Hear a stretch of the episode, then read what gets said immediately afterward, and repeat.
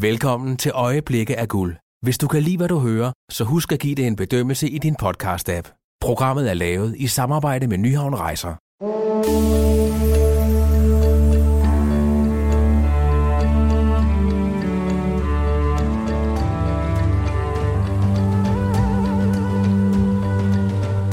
Velkommen til Øjeblikke af Guld. Du lytter til den 4 ud af 7 podcast, der kommer ud til de fjerneste afkroge i verden. Mit navn er Benedikte Balling. I denne podcast sætter vi fokus på dyrelivet omkring Australien og New Zealand, fra et af de mest udviklede og intelligente dyr i verden, nemlig delfinen, til et af de dyr, der ligger nederst på evolutionsstadiet, nemlig en østers. Vi skal omkring en østersfarm på Tasmanien og sidde på et klippefremspring ved havet og spise helt friske østers, der kun er 4 minutter gamle. Jeg tror aldrig, jeg har fået en østers med, med, en, med en renere smag øh, og, en, og mere sådan fasthed i kødet, end jeg har fået dernede. Men man, man bliver sgu lidt salig, når man sidder med de der store østers og bare slupper dem i sig. Et af de bedste steder at svømme med delfiner på New Zealand er ved Picton, og her kommer man helt tæt på det legesyge og venlige dyr i dens rette element. Du kan ikke holde fast på delfinerne. Altså, de, er, de, de svømmer rundt og, og, og laver, laver gas med dig. Øh, så du kan godt række hånden støtte roligt frem efter dem, og har de lyst, så kommer det lige og, og, og nipper lidt til, til, til din hånd. Vi skal også til Lake Wanaka. Her tager Wanaka Chris med oilskin hat og korte shorts os med tilbage i tiden og ud på øen Wahoo for at opleve den flyveløse fugl, der lever på disse kanter. Det er samtidig også et indblik i, hvordan New Zealand så ud før maorierne og europæerne ankom til øen. When we go 16 kilometers up the lake, we go back in time. So the island is perfect for reintroducing very, very rare birds.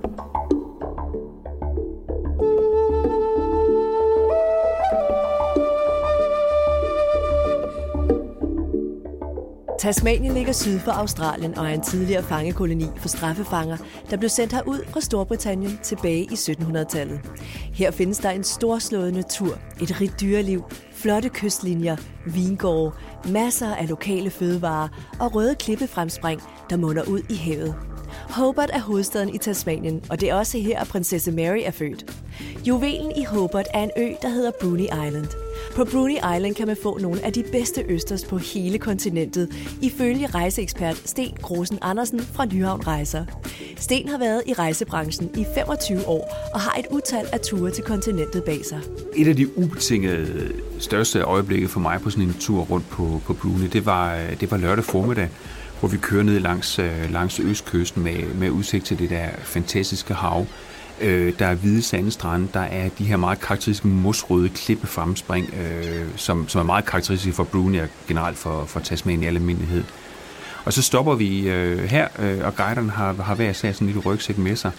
Og vi tænker, at vi skal vel vandre lidt her langs, langs kysten, ikke? Men, men vi bliver placeret på de her klipper, så smører de buksebenene op, og så vader de simpelthen ud i, øh, i havet her. Vi kigger sådan lidt og tænker sådan, hmm, hvad, hvad går det her ud på, ikke?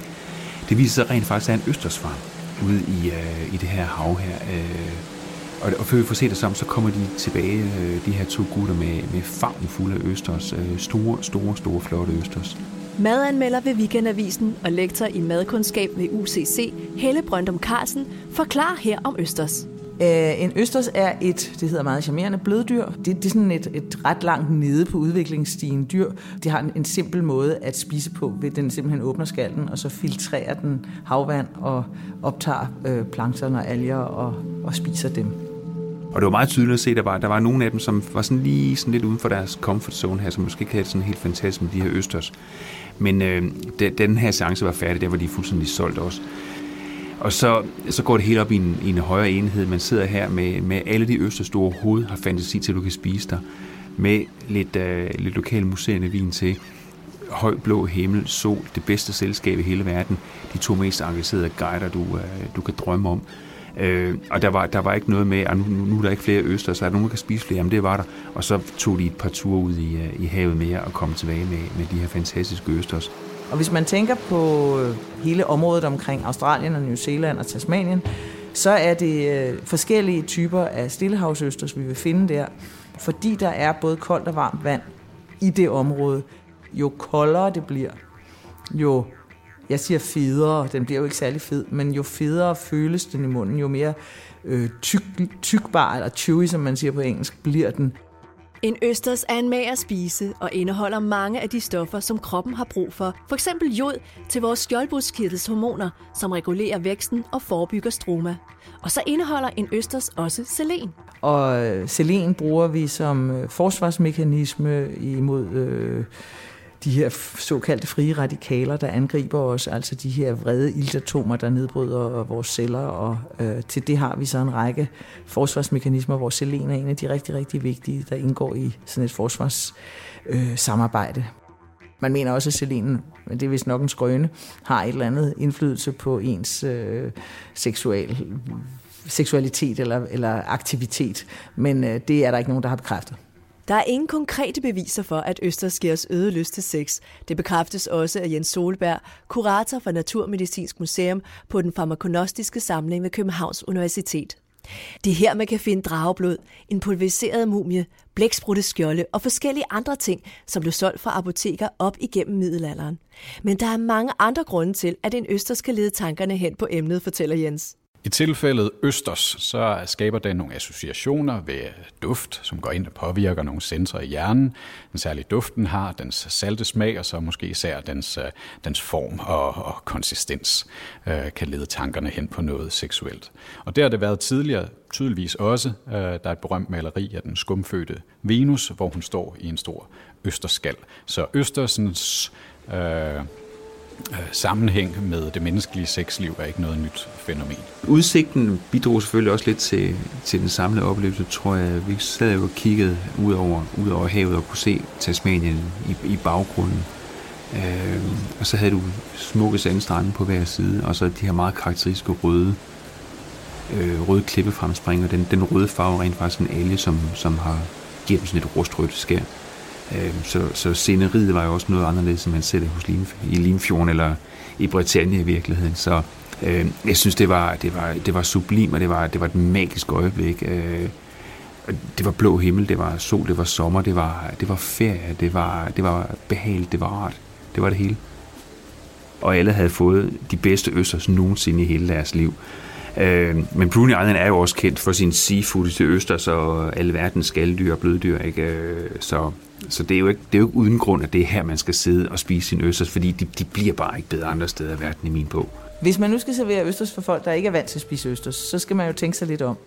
Den, den, den venlige, den imødekommende, den indbydende ret, det vil være at øh, vende den i æg og panko og frityrestege den og servere den med en god mayo, fordi så lokker den faktisk selv de mest østersforskrækkede til at sætte tænderne i den her varmebehandlede østers. Ellers vil jeg nok gå den mere avancerede vej og tage den rå østers og marinere den i ganske lidt øh, enten vodka eller en form for aquavit. Så give den dild, og så give den æble. Det smager fantastisk. Så med et lille squeeze citron henover, så er man, så er man jo lykkelig. Jeg tror aldrig, jeg har fået en østers med, med, en, med en renere smag øh, og, en, og mere sådan fasthed i kødet, end jeg har fået dernede. Øh, og, og så var de jo bare, altså de var jo fire minutter gamle, da vi åbnede dem i virkeligheden og, og fik dem serveret. Øh, og det, det, smagte, det smagte frisk, og det smagte det der totalt rene hav, som de vokser i. Men, men man bliver sgu lidt salig, når man sidder med de der store østers og bare slupper dem i sig. Så det var, det var østers på første klasse, det her. Det er helt sikkert.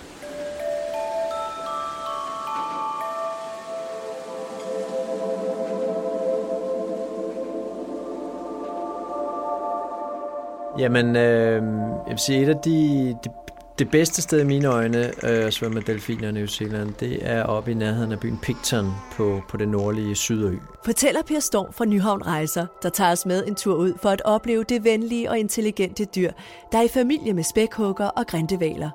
Per har besøgt New Zealand otte gange og kan ikke lade være med at involvere sig og udforske de områder, han kommer til. Det er det, det her fjord, den, fjorden, eller de norske fjorde måske, hvis man skal, skal, skal forestille sig, at, at naturen deroppe øh, for at komme til Picton, der ligger på Sydøen, skal man på en 3 timers sejltur oppe fra Wellington. Fra Picton går turen så videre ud til Queen Charlotte Fjorden, hvor der lever delfiner. Når så man finder den her delfinkolonien eller familien, der, der svømmer ud der, rundt derude, der er en, en 4-5 forskellige slags delfiner i det område her. Um, men så bliver man altså beordret i våddragt, øh, svømmefødder, maske, øh, hele udstyret og og så kan jeg godt lide kontrasten ved, at det, det er lidt, lidt ukomfortabelt og ubehageligt at, at klaske rundt i svømmefødder op på båden, men det øjeblik, man ligger i vandet, så, så fornemmer man jo, at, at det er derfor, at man er, er iklædt det her. Og, og som regel, så, så, så, øhm, så, så søger de båden, når de kan se, at den er på vej, øhm, og begiver sig hen imod den. Øh, og så inden at, at man får, får de sidste svømmefødder på og kommer i vandet, jamen så, øhm, så er det sådan cirklet lidt rundt omkring båden og, og sådan venter på, hvad, hvad sker der her? Altså, man, man kan lidt fornemme på dem, at de, de glæder sig faktisk til, til der kommer lidt, lidt at, at, at, at lege med i, i vandet omkring dem.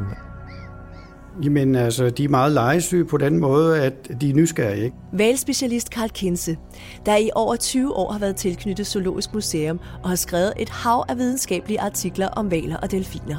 Lad os bare antage, at de synes at sikkert, det er sjovt. Der er nogle sådan lidt, lidt, lidt tumpede fisk, så måske en der i, i, i en våddragt, og når man så kommer hen og chatter lidt til dem, så får man noget igen, og det, det, det vil da nok trigge deres nysgerrighed. Og så lige det her øjeblik, så hvor jeg hopper i, der, der er det jo hele sådan lidt, lidt, lidt gråt og lidt uroligt og boblende omkring en. Så det var lige sådan et, et halvt minuts tid, før man finder sig helt godt til rette i vandoverfladen med sin snorkel og sin maske og, og får den her klarhed i vandet til, man kan se, hvad der foregår.